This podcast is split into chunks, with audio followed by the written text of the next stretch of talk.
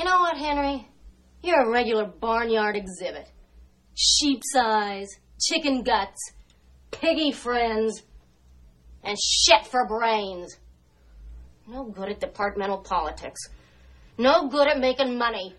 No good at making an impression on anybody. And no good at all in bed. When was the last time you got it up, Henry? Huh?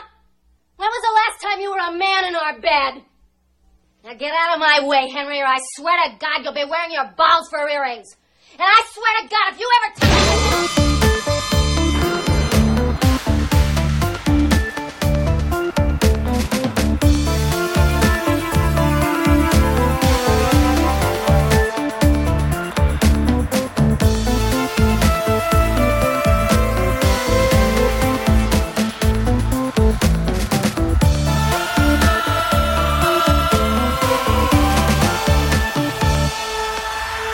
Välkommen till avsnitt 110 av Vacancy.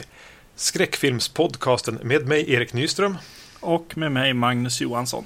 Vi är nu framme vid vårt eh, navelskådande eh, årssammanfattande avsnitt då vi ska dels prata lite grann om 2015 på våran podcast. Mm. Och vår vana trogen även prata om en skräckfilmsantologi. Mm. Men innan vi eh, gör det så nåddes vi ju idag när vi spelar in av nyheten att eh, Angus Scrim är död. Precis. eh, The, the Tall Man från Phantasm-filmerna här. Nästan lika gammal som Christopher Lee, fast inte riktigt. Han var väl 89 tror jag, så det var väl ingen som rycktes ifrån oss direkt. Nej, just det. Eh, Han, Nej. han har inte gjort så mycket annat, eller det har han ju, men ingenting som riktigt eh, fastnat någonstans eh, än just rollen som The Tall Man. Och då får jag ändå intrycket av att det här var en ganska seriöst satsande skådespelare. Mm, precis. Den kommer ju väl 2016, den femte Phantasm-filmen. Mm, vi hoppas ju det. Ja. Ehm, Ja, Vi har väl en plan att jag, prata om Phantasm under 2016 på podden. Kanske ungefär i, i anslutning till att vi får se den filmen. Ja, precis. Vi får, hoppas ju att den, den kommer ut så kan vi prata om den. Det är väl en, en grej framöver eh, över 2016. Om vi ändå ska prata om år och sånt. är väl just att eh, vi, vi 2016 har någon slags plan att heter det, inte köra någon eh, eh, lång serie. Alltså typ som Halloween eh, som vi gjorde i år då. Eller Amityville Horror som vi gjorde för två år sedan. Mm. Eh, exakt. Utan att vi ska hoppa in lite grann mer i de här eh, lite kortare eh, serierna som fick liksom fyra, fem filmer kanske. Mm. Sådana man hinner med på två avsnitt eller kanske till och med ett avsnitt. Bland annat Mm. Phantasm är en som vi väl i princip kan lova kommer under 2016. Ja, precis. Eh, Exakt. kanske även Scream. Eh, om det går som vi har tänkt. Mm. Ja, nej men det var tråkiga nyheter. Eh, men, och, och tråkigt att han inte, eller kanske inte fick se den här filmen då som, som de påstår är i post production hela tiden. Men Ja, Alltså- man undrar ju. De har ju filmat den i smyg lite grann. Alltså, det var ju inte så att man visste om att den filmades på något sätt. Utan de, den, det gick lite rykten som Don Coscarelli gick ut och förnekade. ja, Eh, och sen sa de, jo men vi har gjort den. ja precis. Och det Men- sades väl att den skulle komma under hösten 2015. Ja, precis. Nej, jag vet inte riktigt vad som hände. Eh, För mig tänker jag mer att det är en eh, införsäljningsgrej liksom. Att de försöker få den såld liksom. Ja. Men, men. Vem vet. Jag tror inte vi kommer att få se den på bio i Sverige. Nej, precis. Någonting mer fa- eh, och Angus Scream som vi ändå kommer få eh, ta del av förmodligen nästa år är ju att eh, JJ och Bad Robot, hans företag, har Mm. ju restaurerat också första Phantasm-filmen också. Ja, De ska släppa in en 4K-utgåva. Eh, precis. Mm. Så det lär väl komma någon bra Blu-ray där ja. Eh, som det väl har kommit för andra filmen här för mig. Att det finns en Blu-ray. Men det är Jaha. inte så mycket annat. Jag har bara den här silverfärgade boxen med jättemycket extra material som jag inte har tittat på. eh, Som kommer för, vad kan det bara vara? Sju, åtta, nio år sedan. Säkert. Eller Ja, precis. Något sånt. något sånt. Mm. Ja, innan vi fo- fortsätter att prata om 2015, året som var, eh, bara en snabb liten push för att gå hemskt gärna in på iTunes eh, om ni använder er av det och lyssnar på oss via det och ge oss ett eh, betyg där. Såklart gärna högt betyg. Det hjälper oss att klättra lite grann på deras eh, topplistor och ge oss eh, mer exponering så att vi kan få fler lyssnare. För det är alltid kul att se att man har faktiskt folk som, som lyssnar på det man gör. Ja, 2015 då. Mm. Jag tittade tillbaka på de avsnitt som vi har gjort under hu- 2015 nu när jag skulle förbereda mig för det här avsnitt, Mm. eh, för den här inspelningen och, och upptäckte att eh, många av de avsnitt som vi gjorde under första halvan trodde jag var jättegamla. Ja.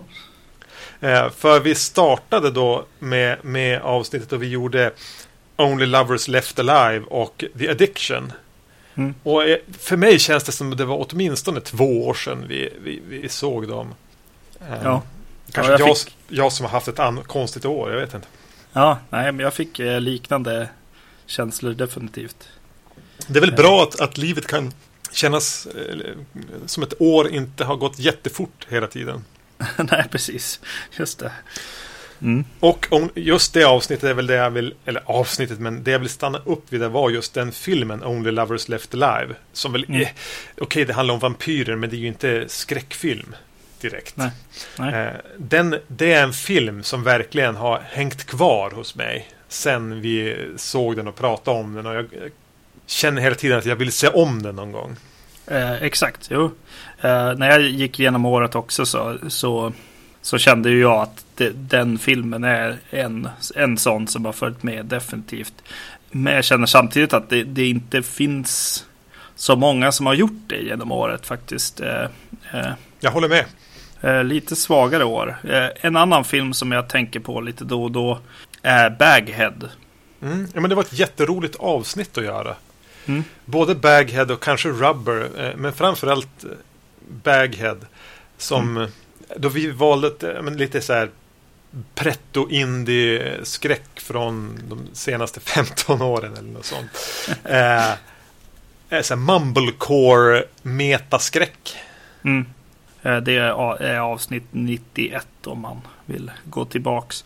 Ehm, Ja, nej, jag gillar den verkligen och, och, och eller ja, jag tänker på den ofta Mm. och det är vissa saker, vissa scener som känns som de kommer sitta länge liksom. Som när han, eh, killen som tydligt är kär i, i sin kompis här och har hamnat i the friend zone Mm. när han ska kamma henne eller vad det är. Och eh, hon, eh, ja, hon, hon säger ja, vi är som syskon. Du är som en bror till mig. Ja, just det. Jag gillar det. Eh, ja, men den hade en helt annan smak än någonting annat vi har gjort på podden eller som ens skulle kunna kallas för skräck. Ja, Jag tror att de här hardcore skräckfantasterna som kanske lyssnar på oss och väljer att se eh, Baghead eh, skulle kunna bli ordentligt besvikna och sluta lyssna på podden för att vi, vi gillar den. ja, jo. Men eh, då får man väl göra det då. ja precis. Ja. Men, men sen, eh, sen är ju, eh, ja, egentligen ett till avsnitt som var, var ju väldigt roligt som, som var lite så här, vad va, vad ska det här bli och eh, lite liksom utanför våran, liksom, eller min comfort zone i alla fall så var när vi började prata med Titta de snackar om att göra ett halloween-avsnitt. Ja, just det. Mm. Eh, när vi skulle bli eh, intervjuade eller, eller hur, det, hur det var. Eh, det avsnitt 105 eh, som för mig blev väldigt, väldigt bra i slutändan. Eh, eh, för nya lyssnare till exempel så kan det ju vara kul att höra lite om oss sådär. Ja, vad vi är för ena och vad Ja, vi har för precis. bakgrund. Jätteroligt att spela in. Ja, precis. Jo, de är ju härliga. Eh, härligt folk det där också. Ja, om man, eh, det är ju våran, jag vet inte om jag ska kalla det för syskonpodcast, men i alla fall en nära vän-podcast. Titta de snackar som eh, ju inte, vi arbetar ju inom helt olika områden. Men Mm. jag känner Emil där sedan tidigare, så det är därför vi, våra vägar korsas då och då. Mm. Och eh, ja, det var jätteroligt att spela in det avsnittet och jag är ju redan taggad på att vi måste göra ett Halloween-avsnitt 2016 tillsammans med dem med någon, något, något annat typ av avstamp. Ja, precis. Jo, absolut. Mm. Och så gjorde vi Halloween-serien Mm. eh, med, med avstamp då i avsnitt 100 som ju var kul att komma upp till. Ja, men det, tänk tillbaks när vi gjorde första avsnittet med det var eh, Children of the Corn, remaken och eh, vad heter det nu då? Village, John Carpenters Village of the Damned. Mm. Det var liksom avsnitt ett. Att, att man då kunde man väl inte riktigt tänka att vi skulle göra hundra avsnitt. Nej, precis. Nej, det är sällan man gör någonting som är eh, typ en timme styck hundra gånger liksom. Och så bara sen får släppa ut och någon lyssnar liksom. Ja. Ja. ja, det är en ganska häftig känsla. Mm. Ehm, Och, och, och eh, ja, eh, tack till alla hälsningar som kom in då också i det avsnittet. Det var ju roligt att få höra lite från, från andra. Vi gjorde ett videoavsnitt då, då vi tyvärr fick eh, kameraproblem efter typ 25 minuter. Men eh, samtidigt å Ja. andra sidan kanske är ungefär 25 minuter så länge man står ut och tittar på dig och mig sitta framför min DVD-hylla och prata. Ja, precis. Eh, Det känns ju också som det här året på något sätt att det ska bli så. Eh, Det känns som att det har varit väldigt mycket tekniskt strul och Vi har blivit hackade två gånger. ja, precis. Och eh, ja, mycket eh, motgångar på något sätt. Eh, Ja, bland annat eh, har väl jag varit en sån också. Det har varit lite mer kämpigt att, att redigera dem eh, det här året. Men eh, det, vi får hoppas på ett lite smidigare år näst, eh, nu då. Färre ha ha hackattacker och enklare redigering av avsnitt. Ja, precis. Mm. Har du någon film ändå som var liksom, det här var den sämsta film vi såg på podden? Mm. Jag tror du har det, du, du tänker bara inte på det direkt. Ja, jag har inte eh, gått igenom och verkligen eh, tittat på dem, men eh, ja, det som kommer in i mitt huvud är Swamp Thing. Ja, ja den var ju inte speciellt bra. Men, men, men om jag säger Halloween Resurrection. Just det. Ja. ja, ja, precis. Den göms liksom i det här Halloween-projektet. Den kan som så här, Ja. dra en filt över huvudet där och ligga och låtsas att den inte syns.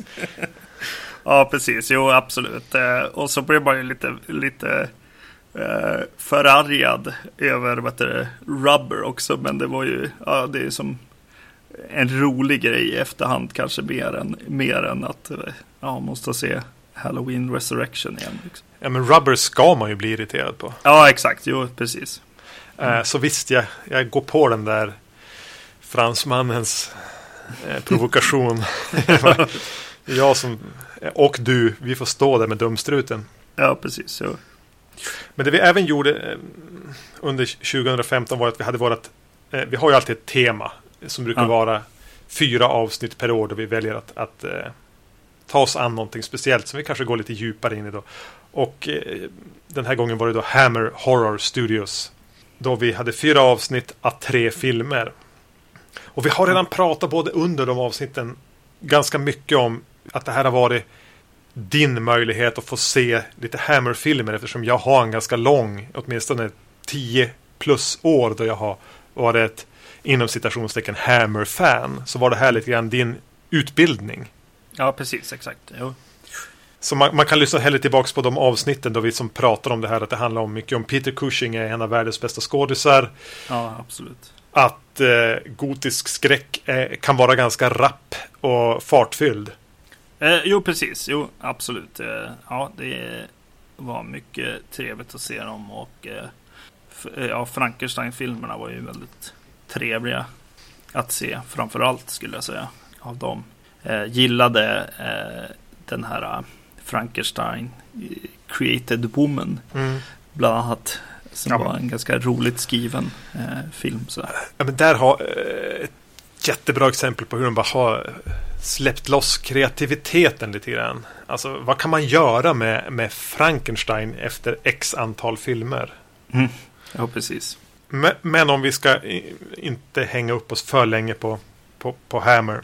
Mm. Vilken är den bästa Hammer-filmen som vi såg under 2015? Ja, jag har väldigt svårt att riktigt prata, ja, veta det egentligen. Kanske Frankenstein, eh, första filmen. Kanske. Ja, det är den jag har skrivit också som Ja. mitt val, så The Curse of Frankenstein. Ja, just det. den sätter tonen och är så här härligt rap matiné skräck med extrem myskänsla. Jag har med någon, kanske som en runner-up Twins of Evil som jag har en väldigt, väldigt, jag är väldigt svag för. Mm, mm. Men, men eh, vad var bottennappet? Alltid kul att prata om, om skräp också. Ja, precis. Eh, ja, eh, hjälp mig minnas lite, Erik. Jag tror att för mig det finns det två kandidater och en ja. är sämre än de andra. Och den sämsta för mig är ju Lust for a Vampire. I den här Carmilla-trilogin. Den, mm. den andra filmen där. Just det. Med musik, video, sexscenen. Och den här flickskolan. Mm. Jag tror inte du var speciellt förtjust i Carmilla-trilogin överhuvudtaget, men... Äh, nej precis. Eh. Förutom lakanspöket-scenen i början av uh, The Vampire Lovers kanske. Mm, precis, ja, jag gillade grejer där. Uh, definitivt. Sen har vi uh, annars Dracula AD. Ja, det är ju tyvärr så alltså. du fick välja en film, Magnus. Ja, precis. Jo, nej men det är väl den liksom. Som inte var så jävla bra. Men äh, ja, ja, nej, tyvärr blev det ju så. Vill man se sådana grejer där liksom, gammal skräckmöte liksom. Nutiden får man väl kanske se liksom, ja men The Blind Dead-filmerna eller något sånt istället. Då. Ja, uh, mm. även om de inte har en trött bit i Cushing. Precis. Uh, de har ju... Jag, tyck, ja, jag tyckte inte heller om den här uh, Monster from Hell. Ja, just det. Filmen. Sista Frankenstein-filmen. Nej, precis. Den tror jag är en humörfilm mycket. För jag hamnade i den här lite... Att den är lite melankolisk. Att den mer handlar om stämningar. Ja. Eh, för jag kan definitivt hålla med om de invändningar du hade. Och, fram, och Peter Cushing har en jättelarvig peruk. Eh, och den är fånig på många sätt. Men den är lite... Ja, men den har en dyster stämning som jag lyckades vibrera in på. Mm, just det. Mm, mm. Men, men, men, det är ju kanske det är ju inte den starkaste i den serien. Ja, nej. Vidare 2015, var det någon, några liksom nya filmer? Eller ja, det jag, det jag egentligen vill prata om lite grann är väl att uh, The Babadook mm. var ju ganska, det var ju en bra film som ändå är en ny film. Vi brukar ju vara väldigt kritiska. och ganska dåliga på att hinna med. Ja, precis. Uh, den och så pratade vi lite snabbt om uh, It Follows också mm. som men det är värt att stanna upp ändå vid It Follows. Du pratar om den som en världens bästa Halloween-remake.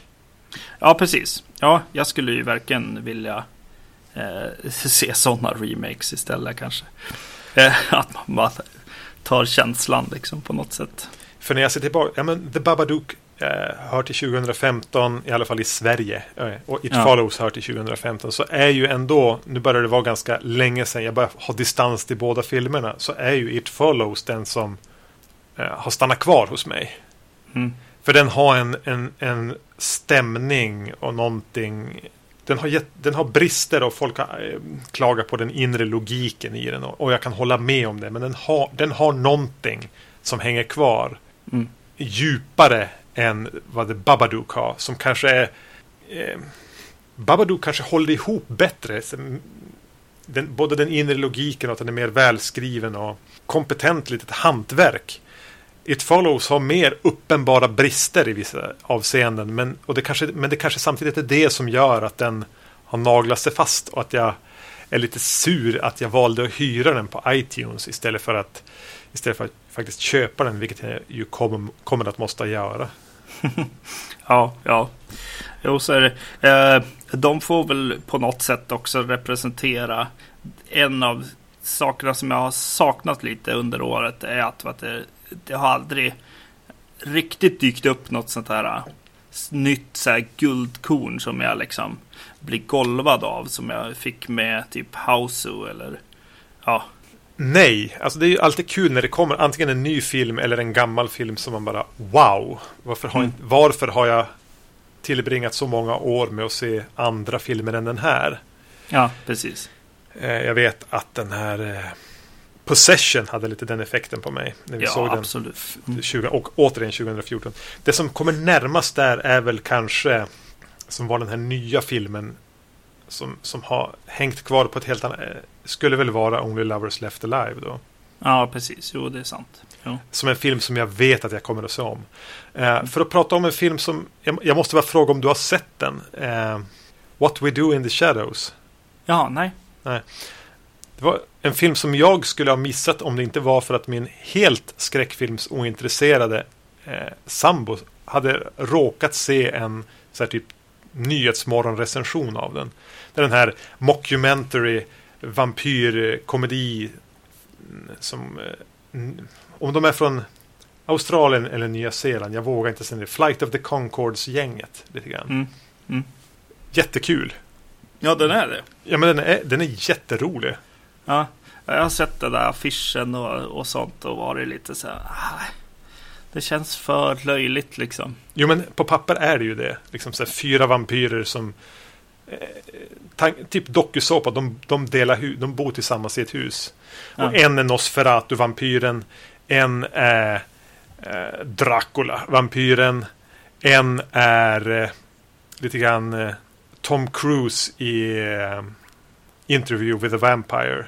Mm. Och en är en lite yngre berusare vampyr som är född tidigt 1900-tal. Ja, Och så måste de samsas och leva som vampyrer. I- ja, Men det låter ju som att det skulle vara fånigt, men den har den här jätte, jätte nedtonade humorn där man missar. Jag, tror, jag har bara sett den en gång. Jag tänker mig att jag missar de roligaste skämten för att allting kommer så deadpan som man säger på engelska. ja, just det. Och i förbifarten, den, den översäljer ju inte sina skämt direkt. Ja, just det. Hm. Ja, nej, jag får väl se den då helt enkelt. Jag s- se den före du ser Star Wars en, vad blir det? Fjärde gång? ja, en tredje gång. Ja. Ja. Mm. Och så såg vi The Shining. Mm. Eh, avsnitt eh, 87 som väl stod, stod ut lite när, när jag scrollade igenom vad vi hade gjort. Eh, Men det var också ett jätteroligt avsnitt att, Ja. att göra. Liksom sitta och prata om The Shining som ju är en sån här ryggradsfilm på ett sätt. Mm, precis, förra året eh, såg vi Night of the Living Dead. Mm. Som på något sätt. Hör dit, till samma Hör. kategori. Ja, precis. Och, och att få använda oss av de här bisarra tolkningarna i, i, i den här dokumentären. Room Ja, precis. 287 eller vad är det? Ja. vilket, vilket rumsnummer är det nu? ja, Ja, vi släpper det. Yes. Utanför, utanför podden, på bio eller på, på hyrmarknaden. Är det något från 2015 som har varit filmen med stort F? Nu nämnde jag What We Do In The Shadows. Eh, Den är Ja. kanske inte den jag skulle nämna först. Men den är kul. Ja. Har du någon sån här film som sticker ut? Nej, jag har dåligt med det. Alltså, rent, alltså jag bara mainstream-mässigt så är jag väldigt glad över hur Mad Max Fury Road eh, blev. Både hur den, eh, alltså själva filmen och eh, bemötandet av den liksom. Eh, bland folk, att den är så jäkla stor ändå. Eh, Jo, men det är kul att det är en lite våldsammare... Alltså att inte Avengers Age of Ultron som har blivit den där. Utan att det fick, faktiskt fick vara en lite mer... En, en film med en vision. En film med någon form av konstnärlig ådra i sig som, som fick bli så poppis som den blev. Ja, precis. Och de, ja, precis. Den och eh, en annan väldigt stor är ju Star Wars. Och det är ju alltid kul att båda, båda de ändå har kvinnliga huvudroller som är ganska ja, men badass och, och Mm. så. Det är ju kul. Det blir på väg någonstans känns det lite grann som. Mm. Kanske är det så. Förutom då Hasbro som vägrar ge ut Ray-leksaker. Ja, precis. Jo. Ja, vi ska inte sitta och svära över det nu. Eh, Mm. Jag vill bara nämna Inherent Vice. Ja, just det. Paul Thomas Andersons. Eh, ja, men, tänk att du tar Chinatown. Alltså Roman Polanskis Chinatown. Och eh, bröderna Coens The Big Lebowski. Och så kokar du ihop dem till en eh, två och en halv timme lång pårökt snårig noir-deckare. Mm. Som är jätterolig bitvis. Och eh, otroligt härlig. Ja. Det är min favoritfilm från 2015. ja, precis. Och den har jag inte sett än. Men eh, det ska jag definitivt göra. Den finns ju till och med på Netflix eller någon sån tjänst har jag sett. Mm, jo, det gör den. Eh, precis, så definitivt eh, när jag får två och en halv timme. Det är det som har varit såg- problemet sen du pratade om den sist. eh, Nu under julledigheten. Jag såg den uppdelad i två. Eh, Ja, just det. Och min sambo tyckte om den också. Man, man hänger ju inte med, men det är inte anledningen att man ser den att man ska hänga med. Det Just förstår du ganska tidigt. Mm. Att få inte panik och tänka det här klarar jag inte av. För nu förstår inte jag varför han ska åka dit eller vem han nu pratar med. Ja, just okej. Ja. Creepshow. Creepshow från 1982 i regi av George A. Romero och eh, manus står Stephen King för. Ja. Din husgud och min husgud. Om man skulle tänka gymnasiet. Ja, precis. Ja, exakt. Ja, Ja. det är sant. I en, som vanligt, en episodfilm. Mm. Eh, Eller som vanligt när vi pratar våran årssammanfattning. Mm. Den här har man ju sett tidigare. Den här filmen. Ja, Ja, på något sätt är det väl en av de mer klassiska, tänker jag, så här, an- skräckfilmsantologierna. Mm. Hade du ett år på den? Har du redan sagt det? ja 82. 82. Som verkligen gör en grej av att den är en episodfilm. Vi får en ramhistoria med en, med en liten pojke spelad då av Stephen Kings son, eh, numera författaren Joe Hill. Som skrivit en del skräckromaner själv, bland annat den här Horns som är filmatiserad av Alexander Aja. Som jag till slut såg igår. Och du har sett den? Ja, Vi gör en liten, liten parentes för att prata, säga några snabba ord om Horns. Jag såg den när jag låg sjuk i, eh, vad heter det, kristallsjukan. Jag hade kronisk yrsel i en vecka. Då låg jag med en så uppallad eh, laptop i sängen och såg Horns. Mm. Tänkte du som jag att det här var väl kanske en bok man inte borde ha filmat? ja precis. Jo. Samtidigt som den är helt otroligt oförutsägbar. Ja, ja precis. Man har Ja. ingen aning om vilken vä- väg den ska ta. Nej, precis. Jag hade ju, eh, jag hade ju verkligen, ja men folk verkar ogilla den rent av. Eh, och du hade varit lite så här Jag var lite- innan. Jag var lite gåtfull. Ja, precis. Kan, kan vara okej ändå, liksom. På något sätt. En typisk trea. Typ, lite grann. Uh, fick jag en känsla av att du, du förklarade den som. Och eh, jag tyckte den var eh, okej, liksom. Ändå. Ja, men den är ju, den är ju det. Ja, Jag, jag kan inte hata den. nej precis. Jag tycker inte att den liksom fallerar totalt. Alltså, å andra sidan, alltså, så, aja, alltså det är ju, jag har ju problem med det. Jag kan ju tycka att liksom Mirrors är charmig också. Ja, precis. Så att eh, ta det med en nypa salt kanske. Jag vet inte. Ja, men Eh, jag, jag sitter ju på samma stol där. Eh, Ja, precis. Och då, det tror jag inte handlar så mycket om att man är så super fanboy som att man på något kanske förstår vad det är han försöker göra. ja, exakt. Jo, man är på rätt våglängd med honom tror jag.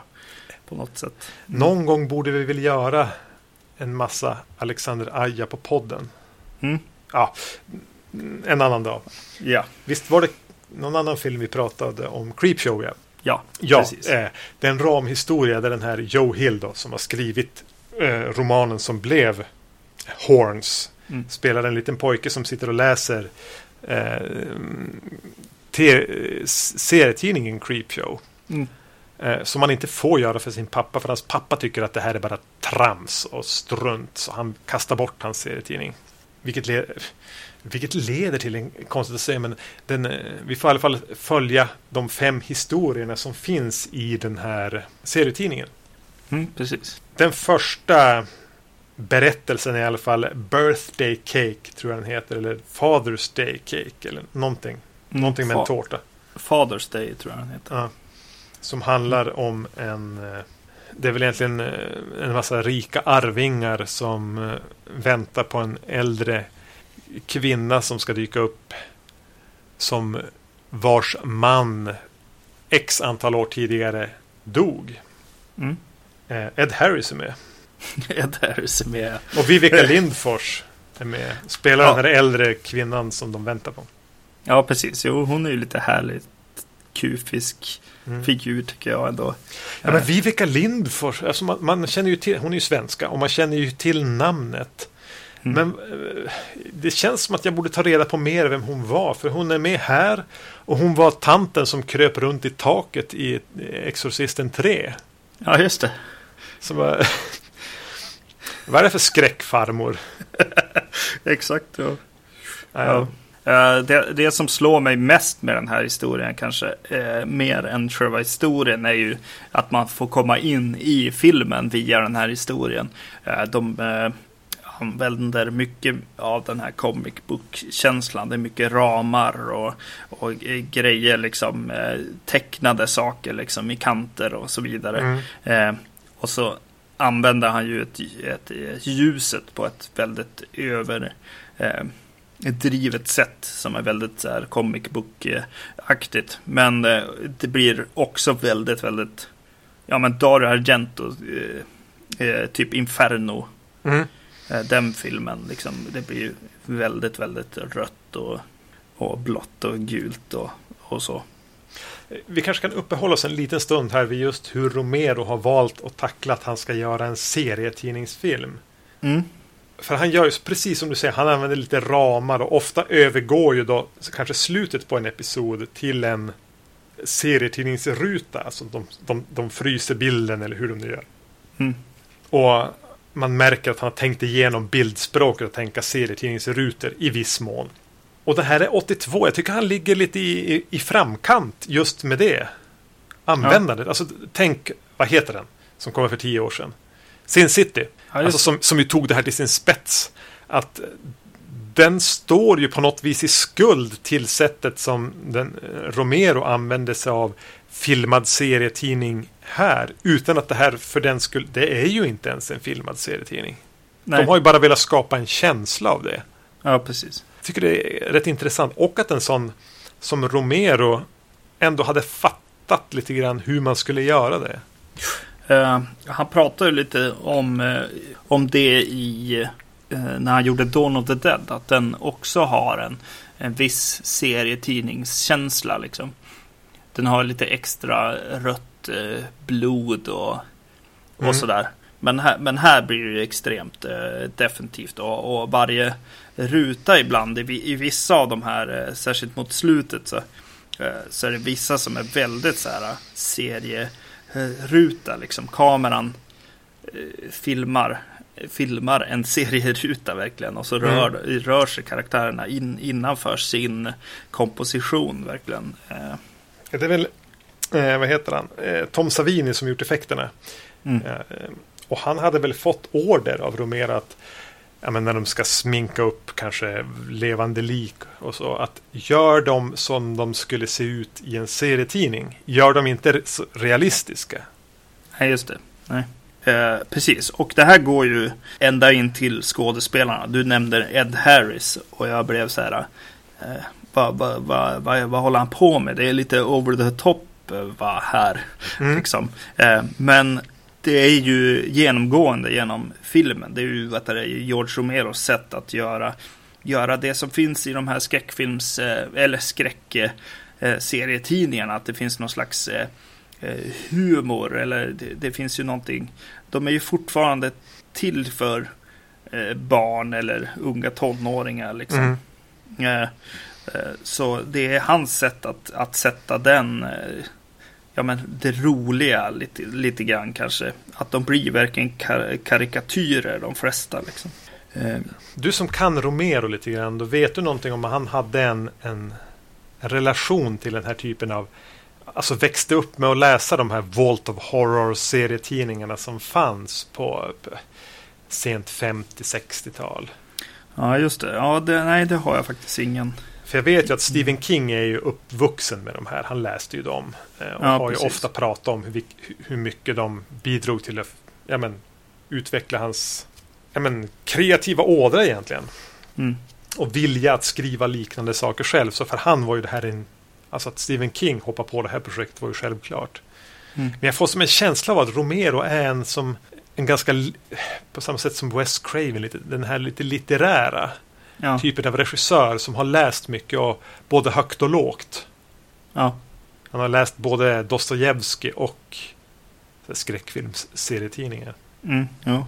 Ehm, ja, men tillbaka till den här eh, Father's Day Cake, farsdagstårte-episoden.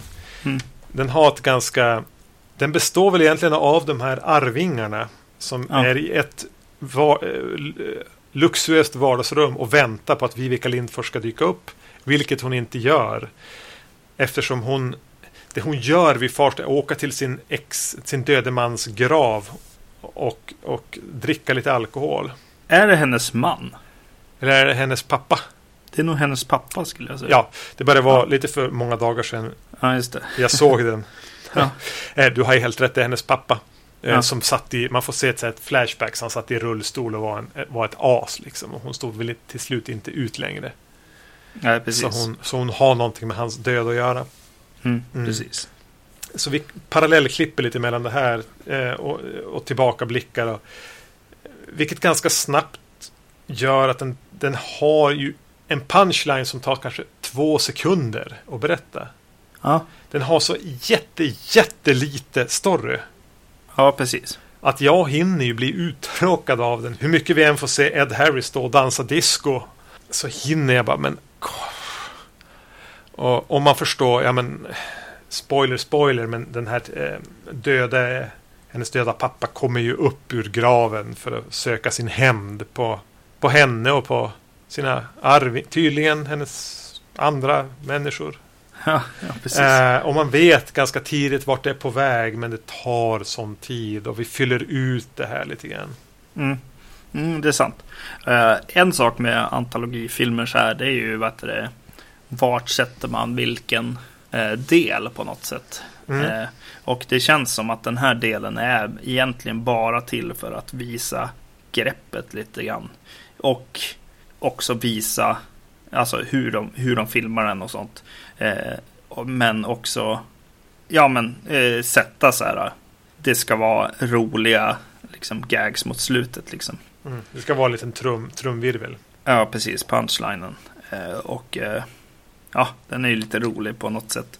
Eh, framförallt eh, med eh, lite bilder så här. Folk som blir rädda så finns det röda blixtar bakom deras eh, huvuden när de ser det här och sånt. Nästan anime-style Mm. nästan. Eh, vilket ju är kul. Så, så för mig är det en punchline och så är det eh, Vivica Lindfors här som är lite kul så här och, och härligt svensk eh, accent har hon också. Ja, hon blir lite campy nästan.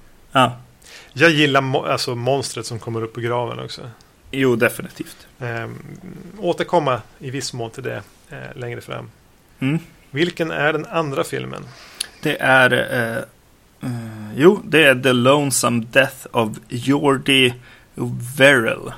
Eller The Lonesome Death of Stephen King. Precis. Ja, han har ju haft...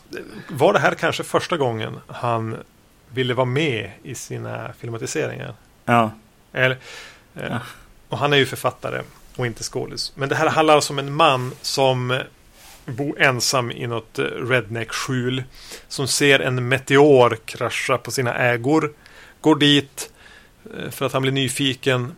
En till synes lite efterbliven redneck som sagt var.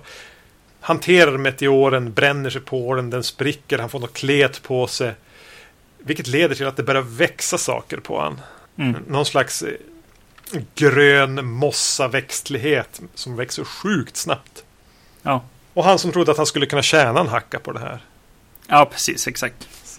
Eh, ja, Stephen King. eh, han eh, är ju... det är ganska mycket camp här. Alltså det är så jäkla överdrivet redneck liksom. Ja, men om Viveca Lindfors var lite camp i förra ja, så springer bara Stephen King iväg med det. ja, precis. alltså ja. helt utanför vad som är... Alltså det blir ju Saturday Night Live. Ja, det är det ju. Ja, precis. Um, alltså han Ja. gör någon sån här... Om du tänker att du är 14 år gammal och ska göra en min som en utvecklingsstörd. eh, Ja, precis. min.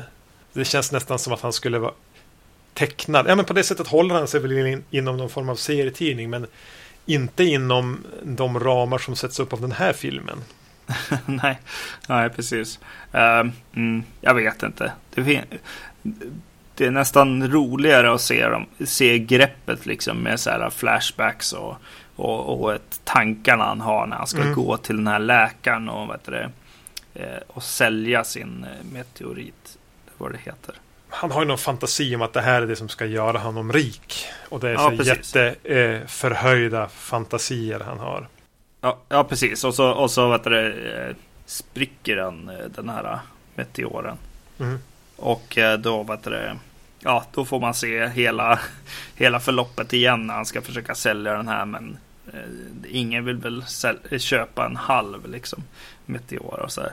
Och det är någonstans där som jag så här, eh, ändå vill säga no någonting snällt om Stephen Kings eh, skådespeleri här. Även om det kanske snarare eh, oschysst mot den andra personen. Men det snällaste jag kan säga är väl att Stephen King och Mark Hamill har en del gemensamt som skådespelare. Oj. Ja. Jag fick lite But I'm going to Tashi Station. Vibbar av all lite grann. Att eh, Mark Hamill är ju röstskådis för det mesta och eh, det finns en anledning lite grann eh, till det. Han, han, han, tar i ganska, ganska mycket, ganska ofta på något vis är ju det här ändå den episod som är lite känd för att Stephen King skådespelar. Stephen mm. King har huvudrollen. Eh, och jag skulle ju inte vilja vara utan det. Nej. Den här är ju det. Stephen King skådespelar skulle den kunna heta. Eh, och på något sätt, den är andra filmen, eller andras, andra episoden i den här eh, filmen. Och man vet redan från början att det här är ingenting vi behöver ta på speciellt stort allvar. Så då är det väl ganska självklart att man ska låta Stephen King skådespela. Mm. Jag hade inte velat se eh, George C. Scott göra den här rollen. Eller jo, nu när jag sa det så kände jag att jag vill det. Ja. Men, men alltså den, den, känns så självklar på något vis. Vi ska få det här kackiga skådespeleriet från Stephen King och, och med vetskapen om att han har skrivit de här berättelserna. Ja, precis. Exakt. Eh, och, och någon slags... Eh, man får nästan en, en känsla av att de tycker om varandra här nu. Eh, Stephen King och eh, Romero. Mm. Eh, det är lite det som, som den här eh, delen får mig att, att känna att, att de tycker att de är i trygga händer båda två. Aha, de, bara, de bondade över den här. Ja, precis. sen det det jag tycker är lite tråkigt med den här. För att eh, den har, eh, det är att hans makeup, eh, alltså det som händer på honom, det är inte, inte bra. Eh, och framförallt i relation till vad som händer runt omkring. Alltså set, set design, liksom eh, det här gröna med vad det eh, långa av, avlånga str, sprön typ. Mm. Som till och med i en, ett litet klipp så rör sig den där en av, av dem. Men det är ju någonting genuint otäckt med tanken på att det skulle börja växa saker så här. Ja, precis, exakt. Eh, men, men det är två olika. Han har mossa på sig och eh, eh setdesignen har liksom eh, någon slags utomjorda liksom gräs. Jag vet inte vad liksom. Eh, en organism liksom mm. eh, runt sig lite grann. det är lite synd. sen var jag på en föreläsning en gång. Typ. Det var, fanns, det var inte mycket så här, ja men kommentarspår som fanns då och, och eh, internet var väl Var det här på 90-talet? Ja, precis. Eh, så var jag på en föreläsning med några som gjorde specialeffekter. Och eh, de pratade om just den här filmen. Eh, och just det här stunten som händer i slutet. Eh, eh, det blir lite spoiler här, men han, han väljer ju att eh, skjuta sig själv med ett hagelgevär i slutet här. Ja. Ja, och det är ju en, jävligt läskig stunt som de gör. Vad heter han? Eh, Savinis eh, polare är det väl. Vad heter han nu? Ja, jag kommer inte ihåg. Han brukar få göra de här grejerna. Ja, han är med i Fredagen 13 bland annat och håller upp händerna när, han är, när hon blir av med huvudet. Han, han har bara en, liksom en dräkt på sig, titt, vänder huvudet liksom bakåt. Och håller ett hagelgevär mot sig. Och eh, skjuter av det liksom. Eh, det känns lite läskigt liksom.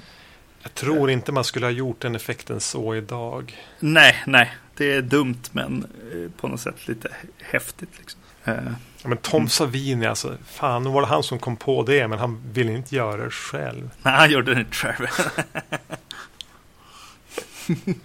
En jävel. Ja. Ja, ja. Sen kommer vi vidare va? Mm. Till eh, Something to tide you over. Ted Danson och Leslie Nielsen i ett eh, tight eh, kammarspel. Precis. Leslie Nielsen är någon rik man vars hustru Ted Danson har en affär med. Mm.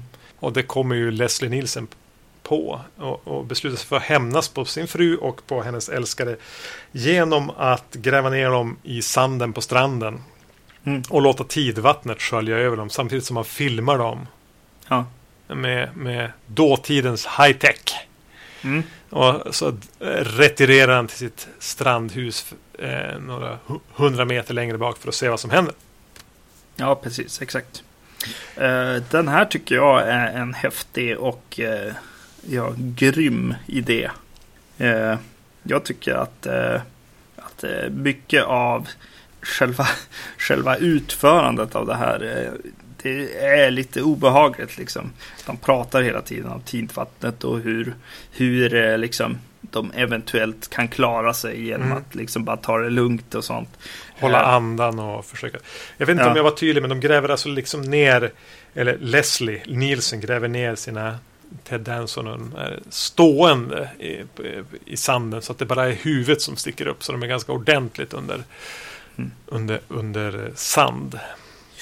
Det är ju lite obehagligt här tycker jag när han väl drar dit en tv då som Ted Danson får titta på då. När, eh, den här hustrun liksom. Ja, han visar helt enkelt vad som kan hända liksom. För hon är längre ner på stranden på något Mm. vis. Han har näst, i princip en egen ö den här mannen. Han är så rik.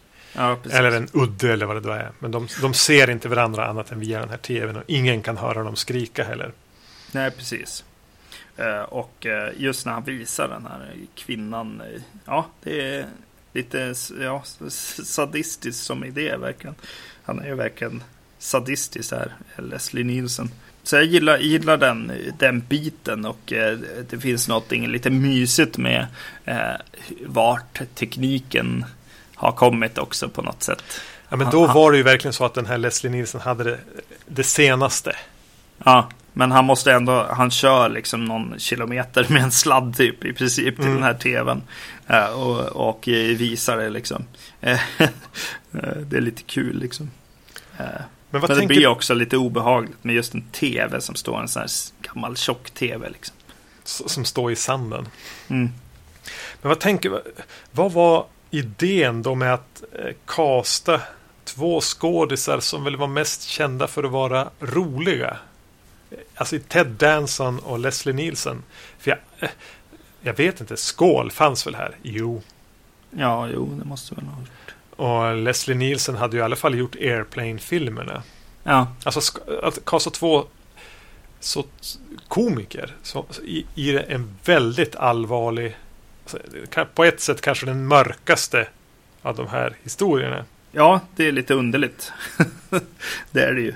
Ja, Eh. För, för mig som ser den då med, med, med Police Squad och Airplane och Skål och eh, The Naked Gun och Dracula död men lycklig eller vad fan det nu heter. Ja. I, I backspegeln så blir det ju lite grann Jag har ju svårt att inte se de här fnittra eh, mellan tagningar och fnittra när den andra är i bild eller eh, komma med en dålig ordvits eller eh, Mm.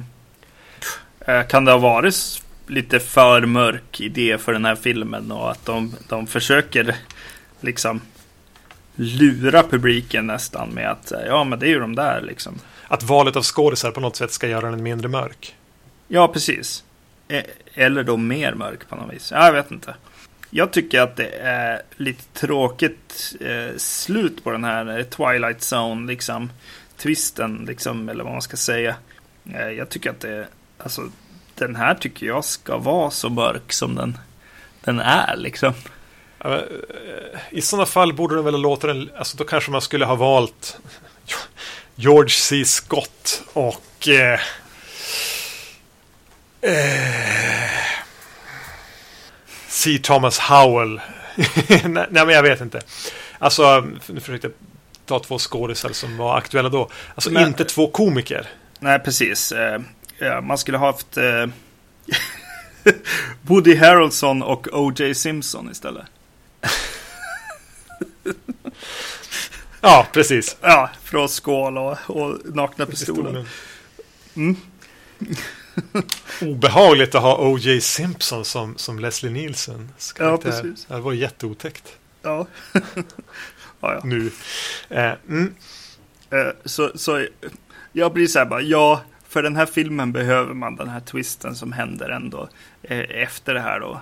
Eh, men eh, jag tycker att den skulle bara ha lämnat där. Och vara iskall och jättemörk. Ja, precis. Ja. Kanske hade som enskild historia, ja. Men i det här sammanhanget, vete fan. Nej, precis. Nej. nej, det är ju så. Men här tänkte jag, jag vill stanna upp en stund över de här tre första historierna. För de har ju någonting som binder dem samman. Mm. Eh, och det är ljuddesignen på hur monstret, eh, utan att säga för mycket, pratar.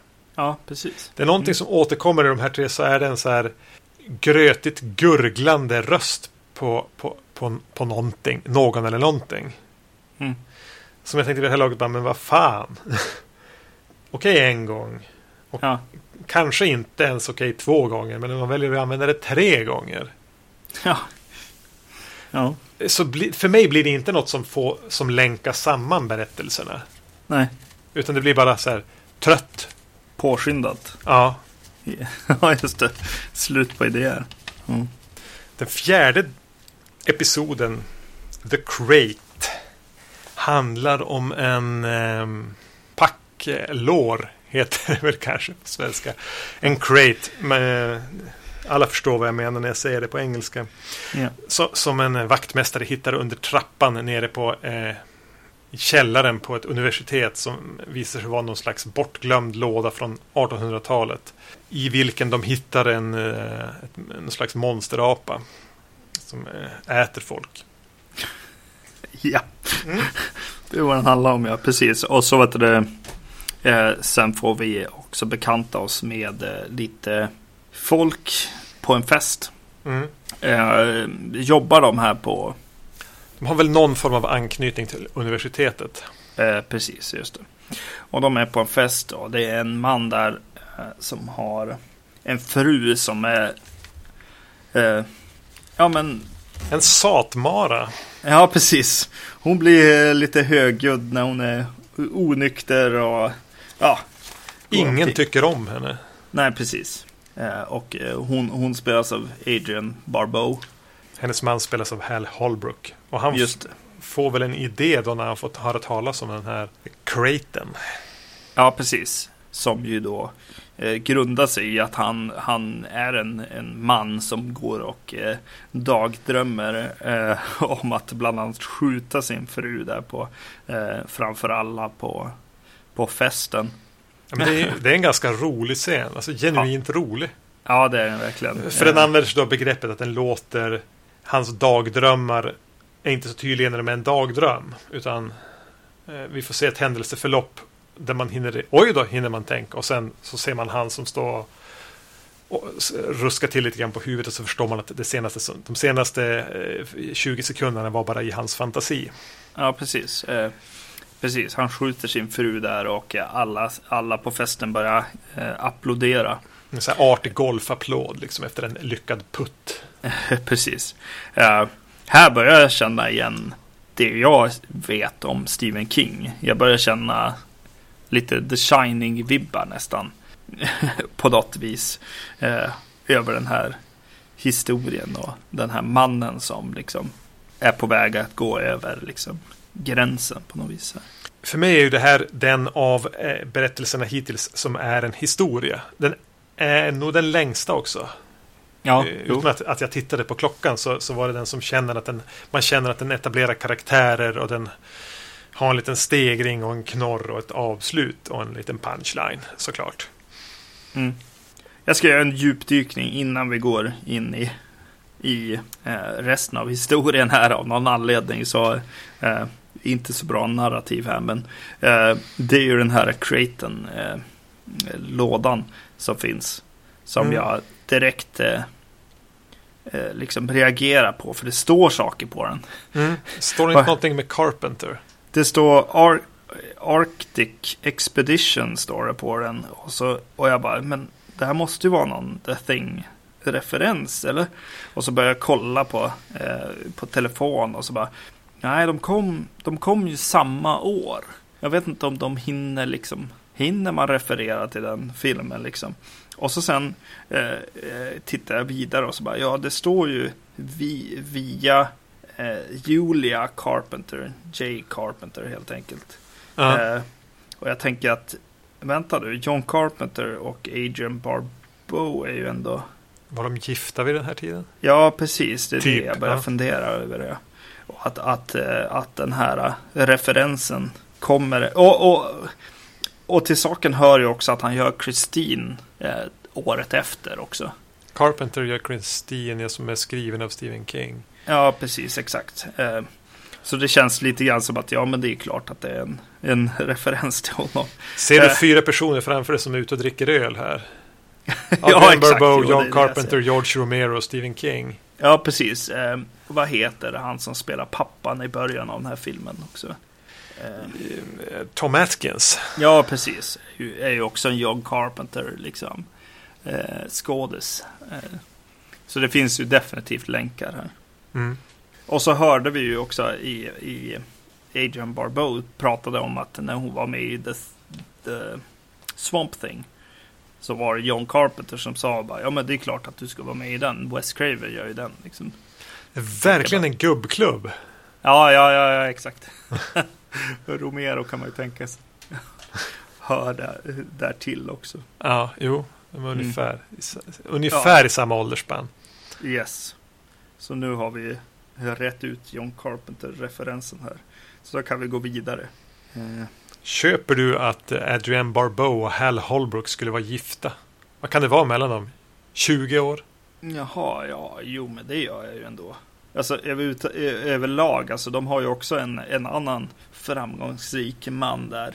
Som är kompis med Hal Holbrook här. Mm. Det känns ju verkligen som en sån typ av giftesmål här på något sätt. Ja, precis. Hal Holbrook är någon så här universitetsprofessor som eh, kanske är frånskild och har barn sedan tidigare. Så gifter han sig med någon av sina studenter som han som börjar flörta med en och, och, och, och så har han gått de senaste 15 åren och ångrar det.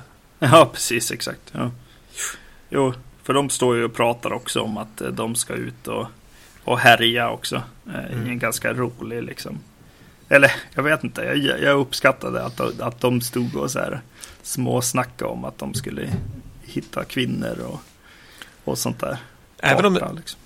även om den är lite gubbig så är Mm. den ju den, fungerar ju i, i gubbigheten. Och så här, eh, män som är less på tjatiga fruar är ju kanske inte det fräschaste och roligaste att se en användas som begrepp i en film. Men, men här drar de ju Adrienne Barbeaus karaktär till sin spets så mycket. Alltså att det är så tydligt att ingen tål den här människan.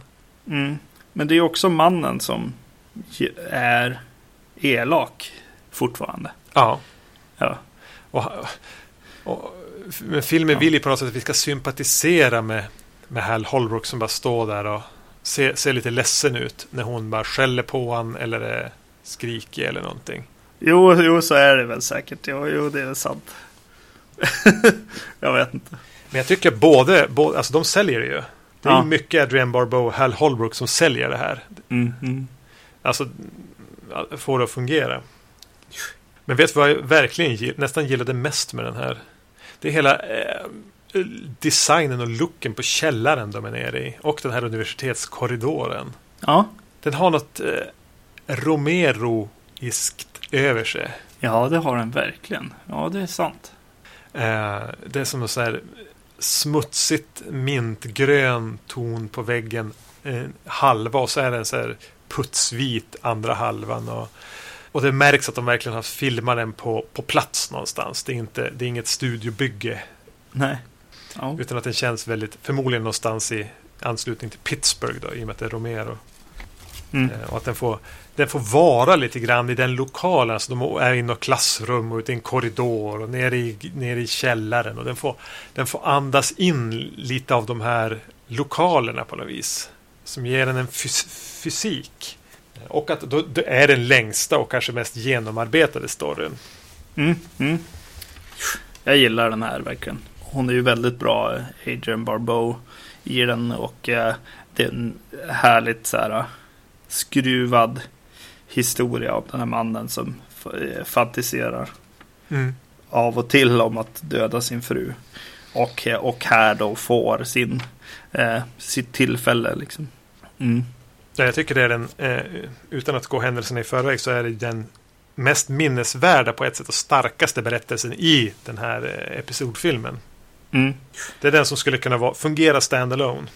Ja, precis. Och, och när den här höll på att eh, ta sitt slut liksom, eh, så kände jag definitivt att jag var mätt. Jag var nöjd. Jag var, eh, kände att så här, ja men fan vilken härlig punchline den här filmen ändå har liksom på något Mm. sätt med den här filmen liksom.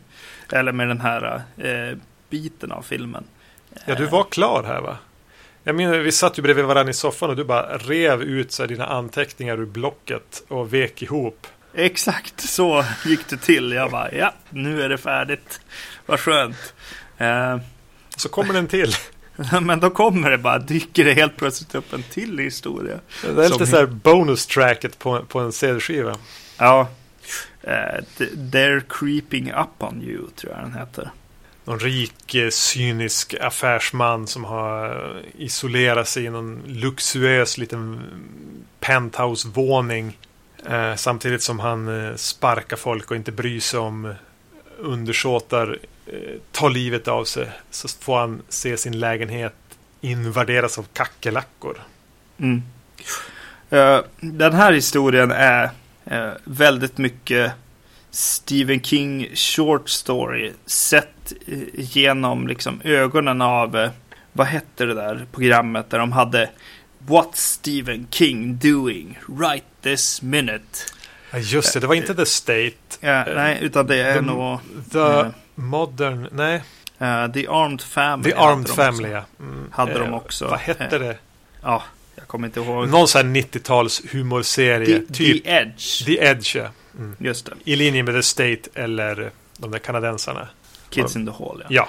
Ja, Eh, precis. Eh, så hade de, ha- hade de en sketch som var så här. What's Stephen King doing right this minute?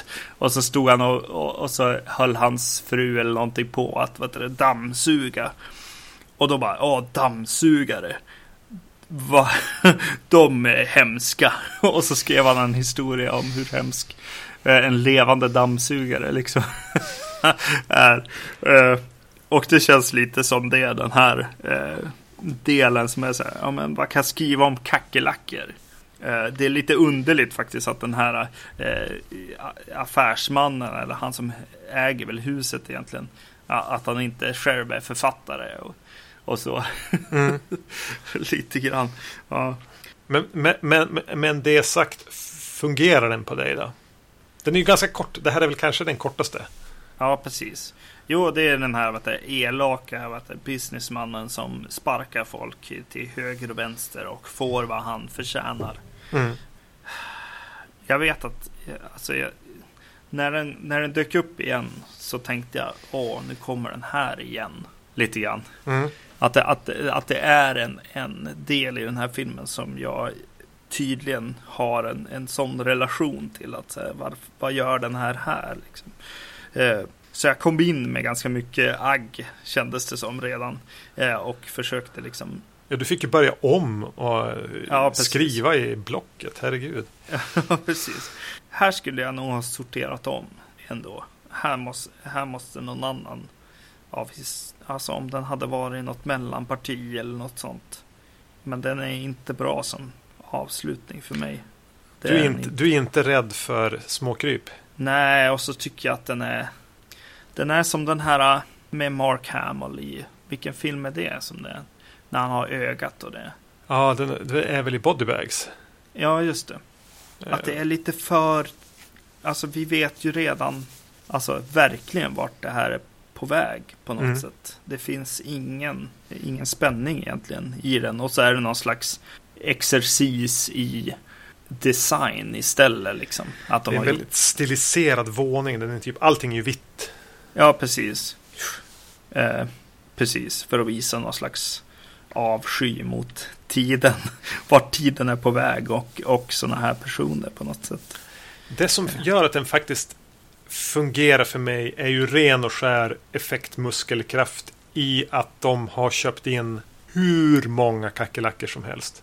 För Ja. Det är ju ingen CGI här. Det är inga Mm. mekaniska kackerlackor utan det är massor med kackerlackor. Ja, Och, och, och, och det blir lite obehagligt i slutet. För de är så sjukt många. ja, jo.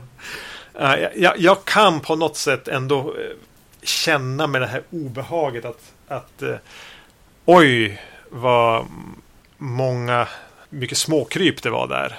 Det är Ja. nästan så att jag inte vill gå dit och så bara väller alltså att de stegrar det på ett ganska bra sätt. Um, men som du säger, den är jätteförutsägbar. Jag vet precis hur den ska sluta. Den, är, den aviserar i nästan varenda replik. Alltså all, han, han är ju ensam här, han pratar med några på telefon. Men man förstår vart det ska. Mm. Men om du ser det lite grann som den här The Hidden Bonus Track på en, på en skiva.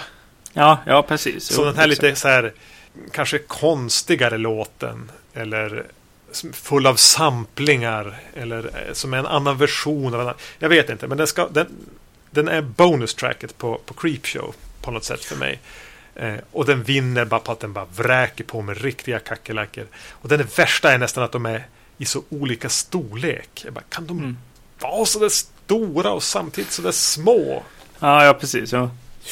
Eh, Det är ju, ja precis, nu, nu när du sa bonus tracket så där så började jag tänka på en del serietidningar som man läste när, när man var mindre hade ibland en sån här liten kort liksom, historia eh, mot slutet eller i mitten liksom, Mm. som bröt av lite grann. Och eh, eh, nu börjar jag tänka på, jag tror att det är Days of Future Past-serien som har, alltså X-Men-serien, Mm. eh, som har en liten historia om med Kitty Pride. När hon blir jagad av vad i princip är vad heter det, en sån här alien xenomorph eh, genom eh, ett hus typ. Eh, och måste överleva. Eh, lite som den, eh, den historien är det här ja. Ja, jo det är sant. Eh, det är också den som har ju, den är ju mest eh, kontrollerad i inspelningsplatsen där. Eh, så den här och kanske lite The Crate är ju de två som har extremt mycket eh, serietidningsrute-tänket liksom. Ja. Eh, eh, framförallt den här eh, som är så här eh, klipp och så har du en, en fast kamera och så den här huvudkaraktären eh, lutar sig nästan in i kameran i, i många fall och tittar på en telefon eller vad det kan vara liksom. Så, så rent som liksom fotoexercis och klippning och sånt så, så funkar den ju. Och det funkar ju med det här vita mot, eh, mot kackerlackorna också, det gör det ju. Och är man då rädd för småkryp så måste den... Jag är inte jätterädd för sm- småkryp egentligen, men den lyckades få mig att känna ett ganska rent så nästan reflexmässigt obehag. Mm. Ehm, jag tänker att tycker man att skalbaggar är obehagliga eller kackerlackor så borde den här kunna vara riktigt obehaglig. Mm. Mm. Men, men den är ju inte den bästa. Den. Nej, nej, det är lite synd på, på slutet på något sätt. Att den, inte, att den ligger just i slutet. Mm. Den här skulle ha varit i mitten. Mm. ehm, kanske. Ja, men i, i, alltså överlag. Ja, jag vet inte. Ville du komma tillbaks till eh, kringhistorien här eller? Ja, jag ville bara säga någon sak. Eh, Mm. Förutom att Tom Savini dyker upp som sopgubbe i slutet. Ehm, och förresten, visste du att den här serietidningen finns återutgiven som serietidning? Ja, okej. Ja. Eh, lärde jag mig efter att jag hade sett den. en, en, en bekant som eh, nämnde det på Facebook. Okay. Har den dessutom hemma. Nåja, eh, det jag gillar med den här ramhistorien mest är egentligen i, i början av, av den när man får se den här egentligen creepshow-varelsen utanför fönstret. Pojken blir av med serietidningen och säger Åh du pappa, du ska få. Ja. Så tittar han ut genom fönstret och då är det typ en liemansaktig varelse där som hänger utanför fönstret som pojken inte blir rädd för utan snarare säger bara du och jag är på samma lag mot pappa här. Ja. Och designen på den varelsen, det är någon slags animatronic som rör på en sån här knotig skeletthand med lite brunt ruttet kött på. Någon K, eh, tygsjok som fladdrar i vinden. Och han hänger ju flyg, svävandes i luften. Mm. Eh, och sen övergår den till det här anime, tecknade seriefiguren som flyger. Den jag älskar den designen på den. Ja. Alltså, hur den rör sig och hur den är. Och jag får fantasier om en hel film om den som någonting. Och, eh, så, vilket förmodligen inte alls skulle fungera eftersom den fungerar i, under de här få sekunderna som den är med. Som den här nästan depraverade mörka skyddsängeln för ett barn med eh, skräckfantasier. Ja, just det. Nu, nu när du sa det precis så så började jag tänka på Eddie, alltså Iron Maidens eh, liksom, någon maskot eller vad man ska säga. Va? Ja, precis, maskoten. Eh, lite grann att, att det är någon slags det är du och jag mot världen. Ja, grann, det, ja. Mm. Den, den varelsen är barnsligt förtjust i. Men det var väl egentligen allt jag ville säga om ramhistorien. I övrigt, i övrigt tillför den ju inte speciellt mycket. Nej, precis. Men alltså överlag så gillar jag nog eh, George Romeros eh, sätt att överföra skräckserietidningar till film. De, det överdrivna färgglada ljuset och de, det överdrivna röda blodet, framförallt i The Crate. Eh, och eh, ja, bilderna som, som eh, används, här, serierutor och, eh, och ibland rena liksom, eh, tecknade effekter bakom karaktärer och sånt. Eh, Ja, men särskilt att han gjorde det för 35 år sedan. Mm. Jag skulle inte vara så imponerad av en regissör som gjorde så här 2015. Mm. Men att den har den där tidigt 80-tals... Han var tidig med det. Han visste hur man skulle göra serietidningspastischer. Mm. Eh, och det är väldigt bra sen att ramhistorien är som den är. För den är ju riktad till barn och ja, tonåringar som ser humor i det mörka och bizarra på något sätt. Mm. Och eh, alltså tidig skräckfilmsentusiaster liksom. Som, som vi ju var. Och eh, det är bra att sätta den liksom, tonen på något sätt. Mm. Och även liksom hålla sig till det som målbild på något sätt i den här filmen. Och det tycker jag de lyckas med. Eh, och men, ja precis, jag vet inte. Vi brukar ju göra ja, antologifilmer. Jag vet inte om vi någonsin kommer eh, röra vid eh, uppföljaren här. Men, men jag, jag, sa, jag sitter ju lite grann och saknar den här eh, i, i Creepshow 2 som heter The Raft. Ja, flotten med den här olje... Eh. Oljefläcken, ja. Uh -huh. Eller som vi kallar den, The Perfectly Round Presenning. Ja. som, som är en fantastisk historia också. Ja, jag blev, för jag tänkte också, undrade om den skulle dyka upp här eller inte. Jag ja. kan inte riktigt skilja på dem. Nej, nej, Creepshow, nej. Creepshow 2. Så vi får väl se. Ja, precis. Det beror på hur många år vi, vi håller på. exakt, exakt. Ja, 2016 då. Eh, där kommer vi ju eh, som sagt ha lite mer av de här eh, kortare serierna. Vi får se hur långt vi kommer där liksom. Ja. Eh, men eh, det är en tanke som vi har. Och sen så brukar vi ju ha ett tema också varje år. Eh, som ju var Hammer. Eh, som har varit. andra genom året, åren. David Lynch. och så vidare. vad är det 2016? Ja, nu ska vi nu ska vi gå i barndom igen. Mm -hmm. eh, och, och, och, vända oss mot en av de här skådespelarna som på något vis bidrog till uppvaknandet inom filmtittande för både dig och mig. Ja, absolut. Och det är ju Arnold Schwarzenegger. Precis. Yes, vi ska se på Arnold Schwarzenegger, framförallt då 80-talsfilmerna. Mm. Eh, Som jag alltid har haft en eh, plats för mig i mitt filmmedvetande. När jag skaffade en DVD så började jag direkt köpa på mig några Arnold-filmer. så The Running Man och eh, Red Sonja och, och, och några som fanns i reabackarna redan då. Var de Mm. väldigt billiga. Ja, precis, exakt. På något sätt ändå då så var det ju typ fredag den 13 och så var det typ Arnold-filmer på något sätt ändå. I, Eh, innan man, man började bredda sig lite mer i alla fall. Ja, det var Arnold, det var aldrig Sylvester Stallone eller, eller, eller någon annan actionhjälte. Nej, nej precis. Det var, det var ganska, för mig och för dig också ganska här, koncentrerat till just Arnold. Mm. Så nu ska vi eh, återvända till dem. Ja, precis, exakt. Och eh, i, redan i nästa avsnitt va? Mm. Då ska vi se Conan the Barbarian och Conan the Destroyer. Yes. Härligt. Ja, verkligen. Det ska bli spännande att återvända till filmerna för vissa av dem är sådana jag inte har sett på väldigt, väldigt länge och vissa är sådana jag ändå har eh, bibehållit ett slags relation till även som, som vuxen.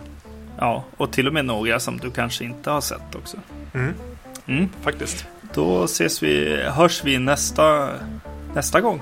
Mm. Ha det bra. Tack och hej! Hej.